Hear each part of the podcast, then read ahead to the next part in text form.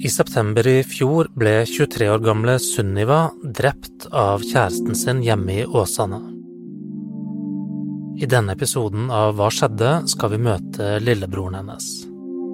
19 år gamle Kyrre Borgen prøver å tenke på alle de gode minnene om Sunniva. Og på armen har han noe som skal hjelpe han med det.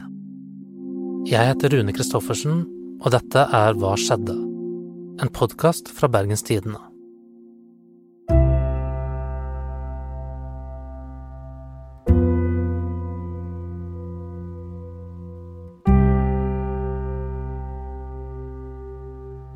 Den tatoveringen må jeg bare spørre om, hva er det for noe? Det er en uh, tatovering som uh, meg og min storebror uh, tok nå for uh, litt over en uke siden. Det er da meg ytterst, Sunniva i midten og han på andre siden. Og så med teksten 'Vi glemmer det aldri under', som jeg har skrevet med min håndskrift. da. Det er den første tatoveringen jeg har tatt. Og jeg var egentlig ikke en tatoveringsgutt, men uh, dette betydde mye, og det er noe som Hun kommer alltid til å være med meg, så å ha det der syns jeg er fint.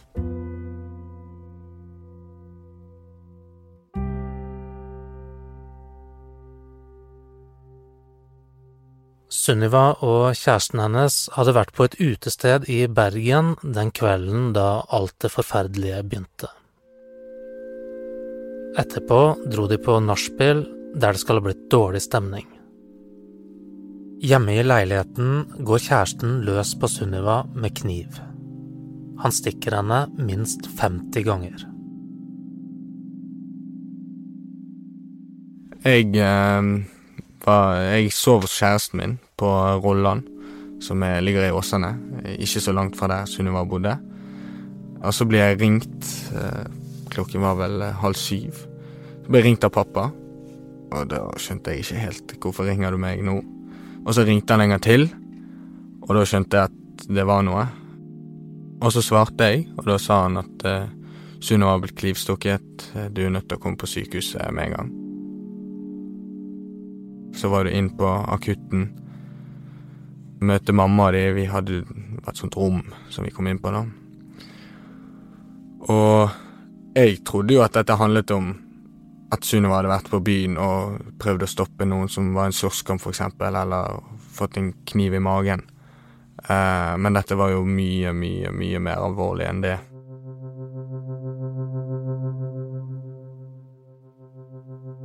Det kom masse leger og forskjellige folk inn på rommet. Fortalte at det dreide seg om flere titalls stikk i ansiktet. Og eh, ja, vi fikk mer og mer informasjon, da. Eh, vi ble flyttet fra akutten til uh, intensiven. Og der uh, fikk vi òg da sånt date-rom der vi kunne være, da.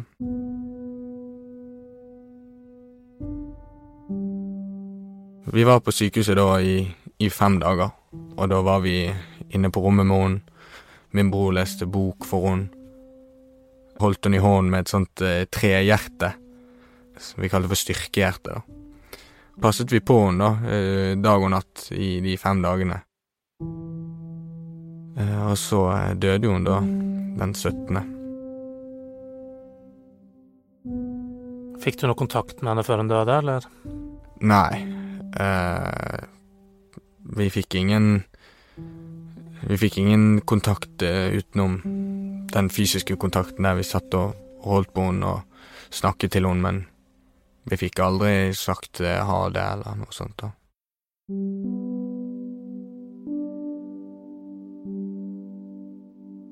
Sunniva var midt i søskenflokken.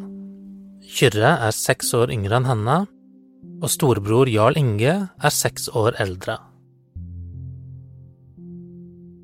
Jeg har jo hele mitt liv vokst opp på Eidsvågneset, da. Men eh, mamma, pappa og Sunniva Gjerlinge de bodde jo først på Landås. Så Sunniva var vel ja, fire-fem når de flyttet ut dit, så hun har jo på en måte vokst opp på Eidsvågneset, hun òg, da. Jeg vil si det er veldig sånn familieområde. Det er mye barnefamilier. Du har kort vei til fotballbane og ned og bade og Jeg føler vi har vokst opp i et område og med en familie som har vært veldig sånn samlet og kjærlig, da. Vi hadde et veldig nært forhold. Felles interesser, vi eh, liker humor. Trivdes veldig godt i hverandres selskap.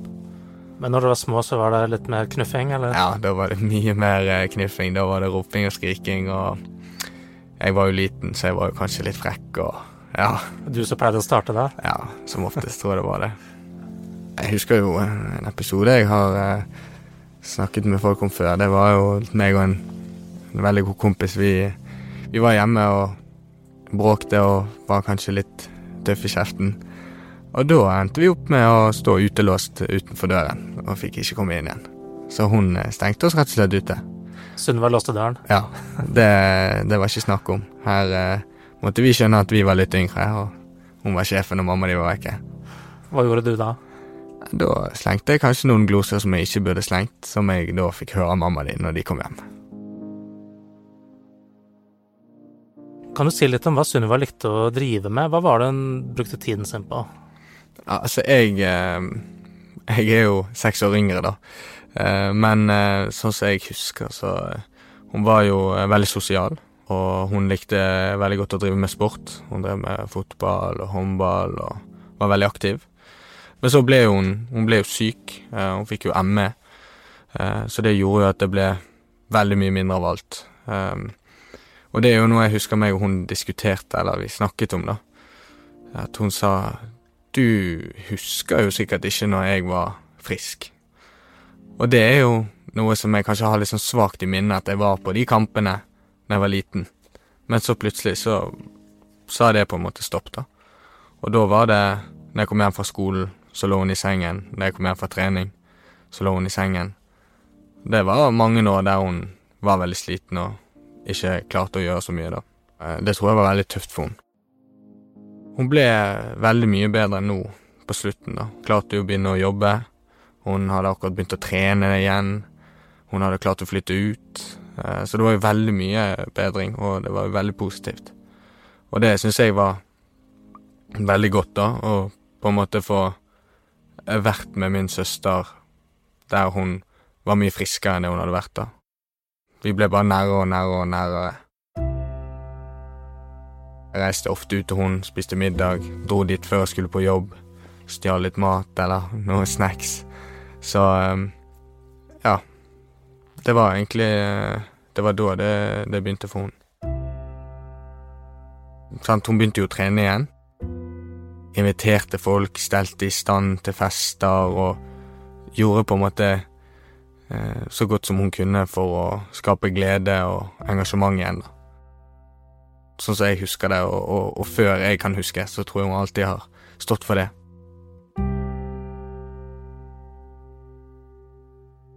Kyrre og Sunniva var glad i fotball begge to, og det ble det litt kjekling av. Vi har kranglet om hvem som skal se på kampene på TV2 og brukerne, og hvem som skal få lov til det. Og jeg husker òg at jeg har diskutert med henne der jeg sier at du er jo egentlig ikke fan, og la meg se, og Men uh, hun var det. Hun var, uh, hun var Manchester United-fan. Og du, da? Jeg uh, holder jo med Barcelona, da. Ok. Så det ble noen feider der, da? Ja.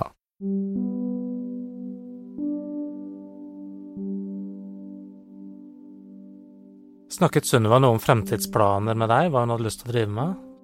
Jeg husker at når vi var yngre, så hadde hun lyst til å bli politi. Men det kunne jo ikke hun bli når hun hadde ME, da. Så det falt jo litt fra.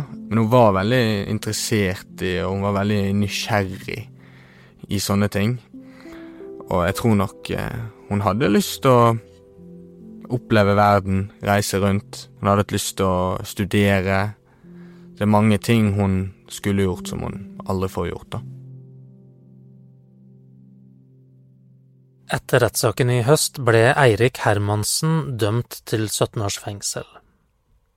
Han forklarte at det svartnet for ham da han drepte Sunniva. Dommerne sa det på denne måten. Drapet skyldes utelukkende tiltaltes totalt irrasjonelle aggresjon som av en uforståelig årsak ble rettet mot hans kjæreste. Eirik Hermansen har ennå ikke bestemt seg for om han vil anke. Og så har det jo vært en lang prosess nå med etterforskning og, og rettssak og alt dette. Hvordan har du opplevd akkurat den prosessen? Nei, den har jo vært eh, Den har jo vært lang.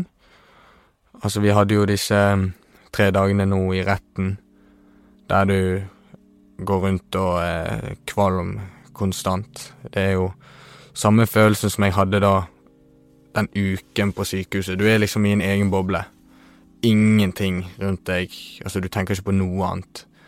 Det er veldig spesielt. Det er jo noe jeg vet at veldig, veldig, veldig få andre opplever. Så Nei, det, det er tungt. Hvilke tanker har du om uh, gjerningsmannen nå? Nei Vi håper jo at han aldri kommer ut av fengselet igjen.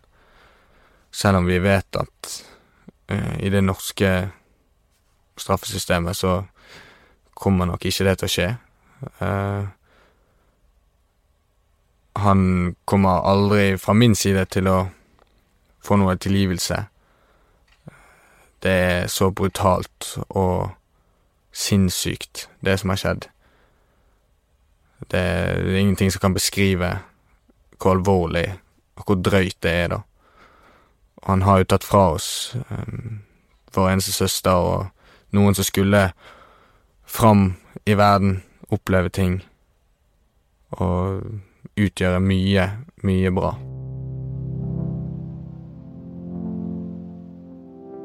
Vi har fått veldig, veldig mye støtte.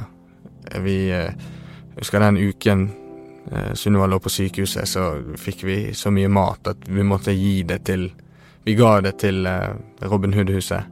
Vi ble tilbudt alt av tjenester og omsorg, og alle venner, familie Alle har stilt veldig, veldig godt opp. Sunniva bør bli husket for noe mer enn at hun ble drept, mener familien. De har startet et minnefond for å hjelpe barn og ungdommer som har det vanskelig. Tildelingen skjer to ganger i året, og Sunnivas minnefond har også flere planer på gang. 6. til 11. desember arrangerer de en kunstutstilling i Åsane kulturhus. Nei, altså dette var jo noe mamma først eh, tok opp. At hun eh, ville starte et minnefond for Sunniva. Og eh, vi andre syntes det var en god idé. Og grunnen til at vi gjorde det, var jo for å bringe altså Sunniva sine verdier videre, da. Sunniva var jo veldig opptatt av å hjelpe andre, selv om hun var syk og sliten og hadde mistet veldig mye sjøl, da. Så var hun òg veldig opptatt av å hjelpe de rundt seg, eller hjelpe andre som hun så kanskje ikke hadde det så bra, eller trengte litt ekstra hjelp, da. Og eh, det er noe vi hadde lyst til å bringe videre, da. Hvordan eh, prøvde hun selv å, å hjelpe folk, da? Hun eh, tilbød eh, eksempel en venninne som bodde i Trondheim. Jeg kan kjøre deg opp og hente flyttelass og kjøre deg hjem igjen. Det er ingen problem. Tur-retur Trondheim? Ja. Eh, hun spurte folk som kanskje slet med å Slet litt psykisk og kanskje trengte å dra til en psykolog. Skal jeg kjøre deg dit? Skal jeg hjelpe deg med det? Hun var veldig støttende og, og veldig positiv. Jeg husker når siste dagen jeg så henne, det var en fredag, da hadde jeg akkurat bestått teorien på bil. Og jeg gledet meg sånn til å si det til henne, for jeg visste hvor glad hun kom til å bli. Hva tenker du er det viktigste som står igjen etter uh, Sunniva, da? Det er arven om hvor god hun var, og hvor mye godt hun gjorde mot andre. Altså Når man tenker på henne, så tenker man på en positiv og engasjert og, og snill person. Eh, og det er veldig vondt og trist at eh, verden har mistet en sånn jente. For jeg mener det, og jeg, eh, jeg sa det i talen min, at jeg tror hun kunne, tror hun kunne blitt eh, statsminister.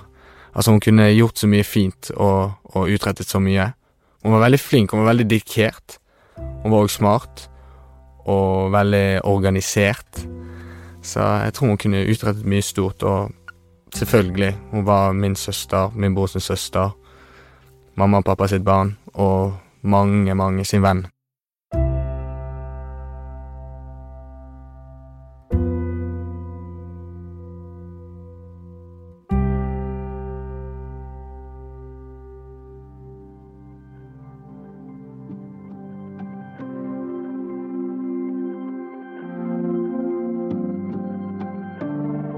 Denne episoden av Hva skjedde? er laget av Anna Offstad og meg, Rune Christoffersen. Hvis du har innspill til hva vi bør ta opp, så send oss gjerne en e-post på hva skjedde at bt.no. Takk for at du hører på.